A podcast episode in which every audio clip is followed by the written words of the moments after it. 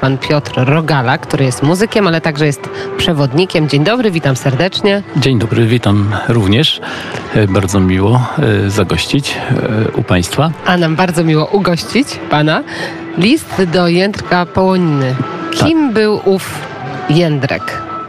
Zacznę od tego listu. List y, to jest piękny wiersz y, Wiesławy Kwinto-Koczan, Wuki, y, poetki, która tutaj w Bieszczadach mieszkała i no, nie miała okazji Jędrka poznać, e, ale tak się stało, że kiedyś znalazła się na jego grobie, bo Jędrek był wspaniałym e, artystą y, bieszczackim, który przede wszystkim rzeźbił, ale również Oprócz tego, że e, rzeźbił, to pisał wiersze, malował na szkle, e, no ale głównie z tej rzeź, rze, rzeźby słynął. E, Niestety no, zginął dramatycznie, przedwcześnie, za młodu i Pochowano go na cmentarzu w ostatniej miejscowości, gdzie mieszkał, w Kulasznem, a przyjaciele, również artyści bieszczadnicy, zrobili mu przepiękny nagrobek.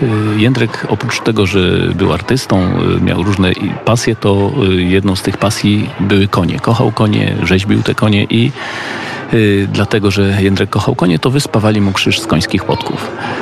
No i ten krzyż wzbudza podziw turystów, którzy często zajeżdżają na grób, y, na cmentarz do Kulasznego i odwiedzają grób Jędrka. No i tak było z- Wiesią, która y, kiedyś zajechała, żeby grób Jędrka odwiedzić. Jak zobaczyła ten krzyż wyspawany z końskich podków, to takie wrażenie na niej zrobił, że też napisała o nim właśnie wiersz. Kiedy ten Jędrek tworzył? Jakie to były lata? I czy Jędrek to Andrzej? Czy Jędrek... Andrzej, Andrzej Wasilewski.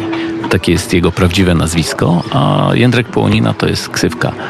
Y, I y, tworzył w latach y, 70., 80. y, i początek 90. Ni- ni- niestety w połowie lat 90. Czy mo- gdzieś można... Z, e, zginął tragicznie? Tak, rozjechany przez kierowcę. Czy gdzieś jego pracę można zobaczyć dzisiaj? Najwięcej prac Jędrka jest w, syna, w, w prywatnych galeriach, niestety. W kościele, w najstarszym drewnianym kościele na terenie Bieszczadów jest y, droga krzyżowa. W średniej wsi jest ten kościół i tam jest droga krzyżowa wyrzeźbiona przez Jędrka i ostatnia wieczerza, Również.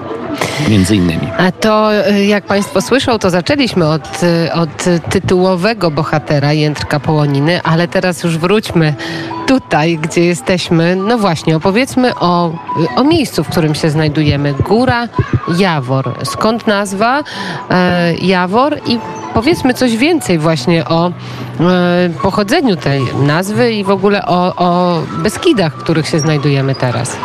No Jawor, y, ta góra była porośnięta jaworami. Teraz niestety tego jawora tutaj y, bardzo mało, ale kiedyś y, ja jeszcze pamiętam, zanim y, zostały wycięte pewne, pewnej jesieni, jak mm, po przymrozku y, przymarzły te liście, to przepięknie y, cały jawor po, był zielony i, i po jednej nocy zrobił się żółciutki.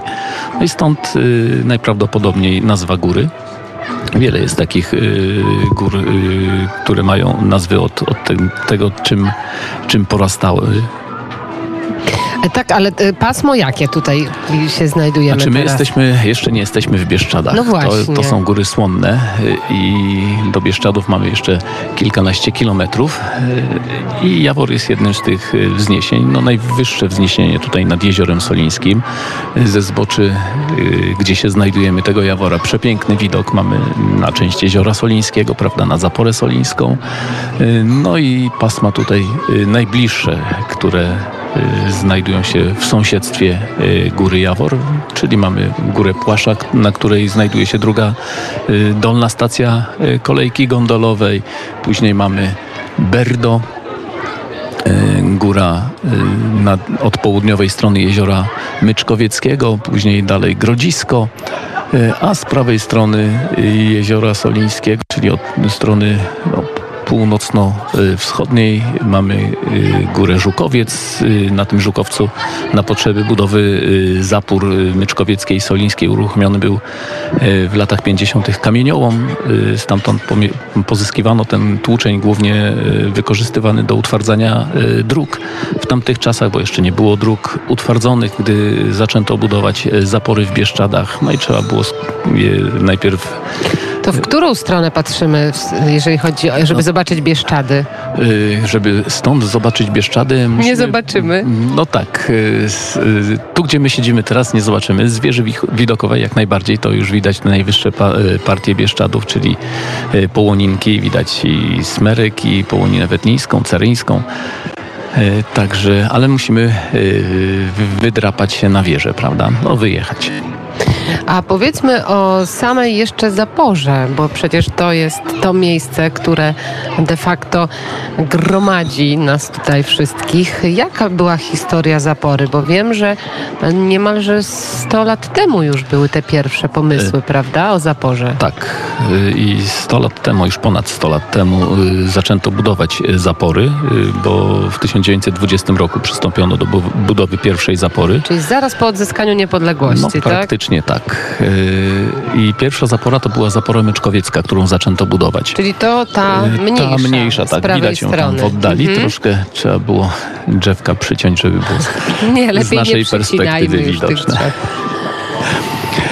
Ale e, to była pierwsza zapora. Niestety nie wybudowano jej wówczas. Po dwóch latach e, prace zostały przerwane. Wracano jeszcze w latach 30. do tej koncepcji regulacji rzeki San, bo, bo przede wszystkim po to e, te zapory powstały. Rzeka San była taką niespokojną rzeką, występowała nawet kilka razy w roku z brzegów i za, zalewała dobytek która tutaj w pobliżu tej rzeki Czym to było spowodowane, że ona taka niespokojna? no tym, że to jest y, przede wszystkim rzeka górska. Teraz y, no tego nie widać, bo mamy y, takie suche lata. Kilkanaście, można powiedzieć, ostatnich lat było bardzo suchych i jak pójdziemy wzdłuż rzeki San w górę zwłaszcza, no to tam ta, ten San ledwo się sączy. Ale niestety po ulewnych deszczach albo długotrwałych deszczach e, lub wiosennych y, roztopach, to ta rzeka za rwącą y, górską Kiedy rzekę. były takie, bo pan powiedział, że dwudziestolecie międzywojenne to ten okres, czyli rozumiem, że kiedy były największe które znamy w ogóle z historii, jeżeli chodzi o Stan? No wiele, wiele takich okresów był. Ten był obserwowany już od końca XIX wieku i właśnie zaobserwowano, że bardzo duże zróżnicowanie tych przepływów y, na tej ten postanowiono ją uregulować. Y, Ostatni gorszy rok MOK to był 1980. Wtedy był, no w całej Polsce były takie powodzie, ale tutaj dzięki temu, że y, no, zapora na rzece San już istniała, także na pewno te straty i w, w dolnych biegach. In, no, rzeki przede wszystkim i San i później y, dalej Wisły no, były mniejsze na pewno, bo gdyby jeszcze Czyli dwudziestolecie międzywojenne, czyli przez kilkanaście lat ta budowa się tutaj gdzieś toczyła, czy to były plany? Nie, wtedy, wtedy tylko rozpoczęto budowę zapory męczkowieckiej. Firma, która y, prowadziła te prace, zbankrutowała i prace zostały przerwane. I dopiero tak naprawdę do, z powrotem wrócono y, w latach 50., po II wojnie światowej już, y, do regulacji rzeki San. No i opracowano nowe projekty, bo wcześniejsze no, nie były do odzyskania, bo tamte były opracowane na y, Politechnice Lwowskiej, jak wiadomo. Nasz wielki brat Związek Zdradziecki zagarnął nam tamte tereny i y, No, również y, projekty i, również, zostały I tam. również tę myśl Ale- technologiczną ze sobą zabierano.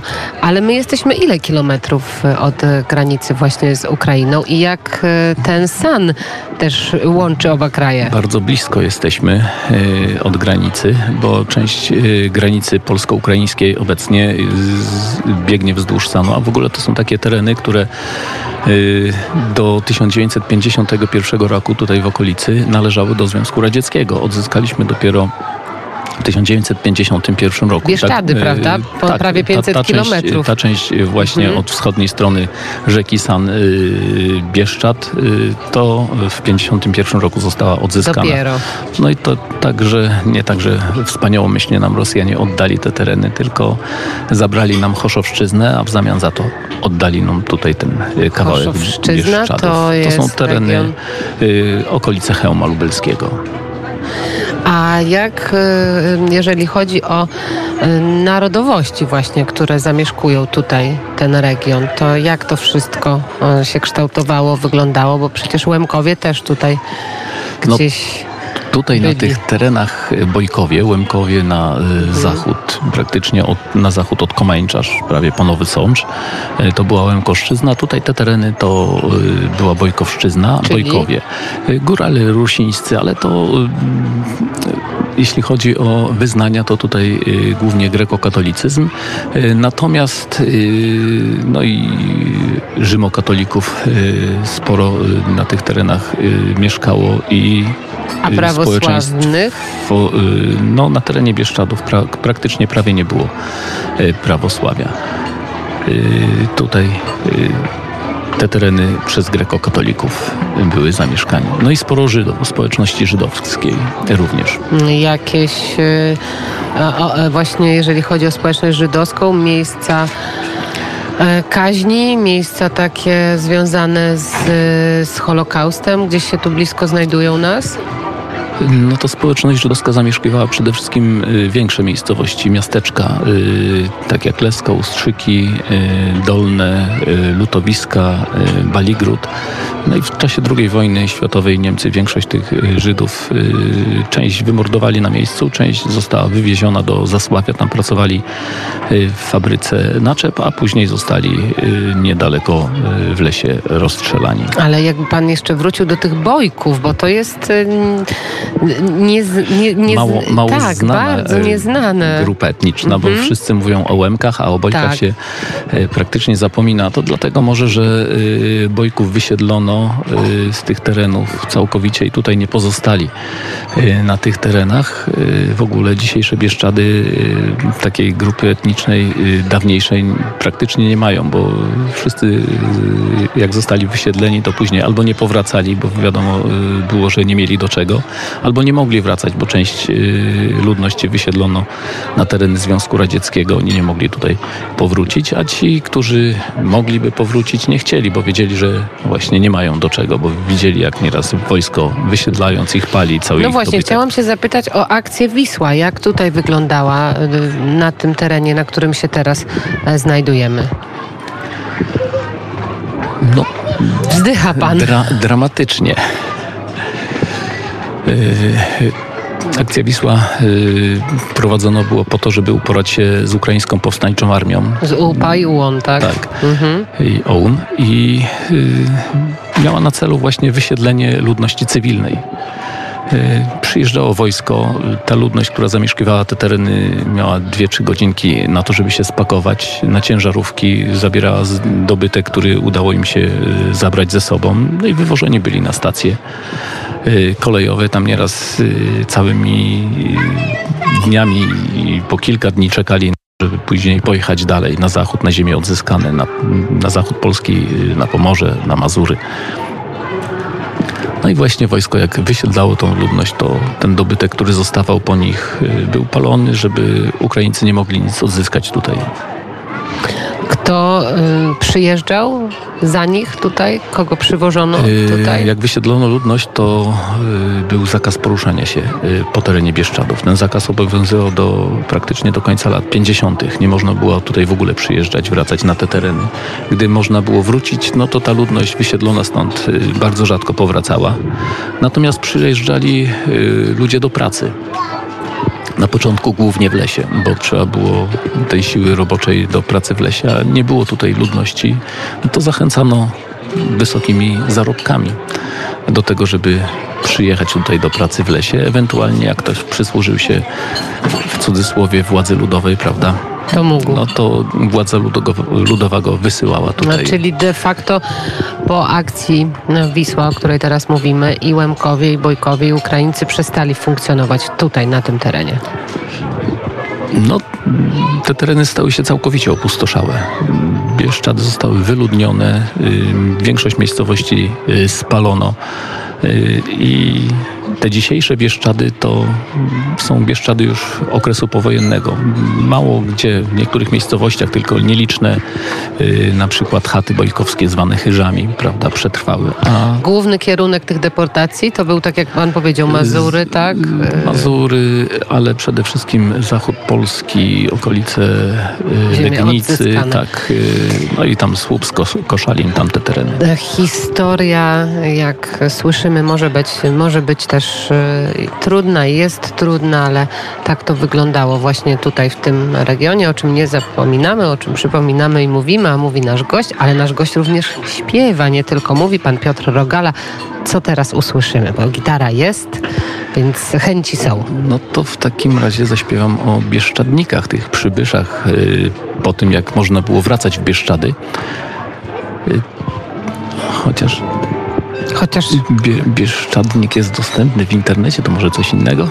a to co Nie. pan sobie życzy? My bierzemy z Małgosią kleszcz mikrofony e, w dłonie. Ja jeden bardziej przystawię bliżej naszego gościa, bo mamy wyjazdowe studio.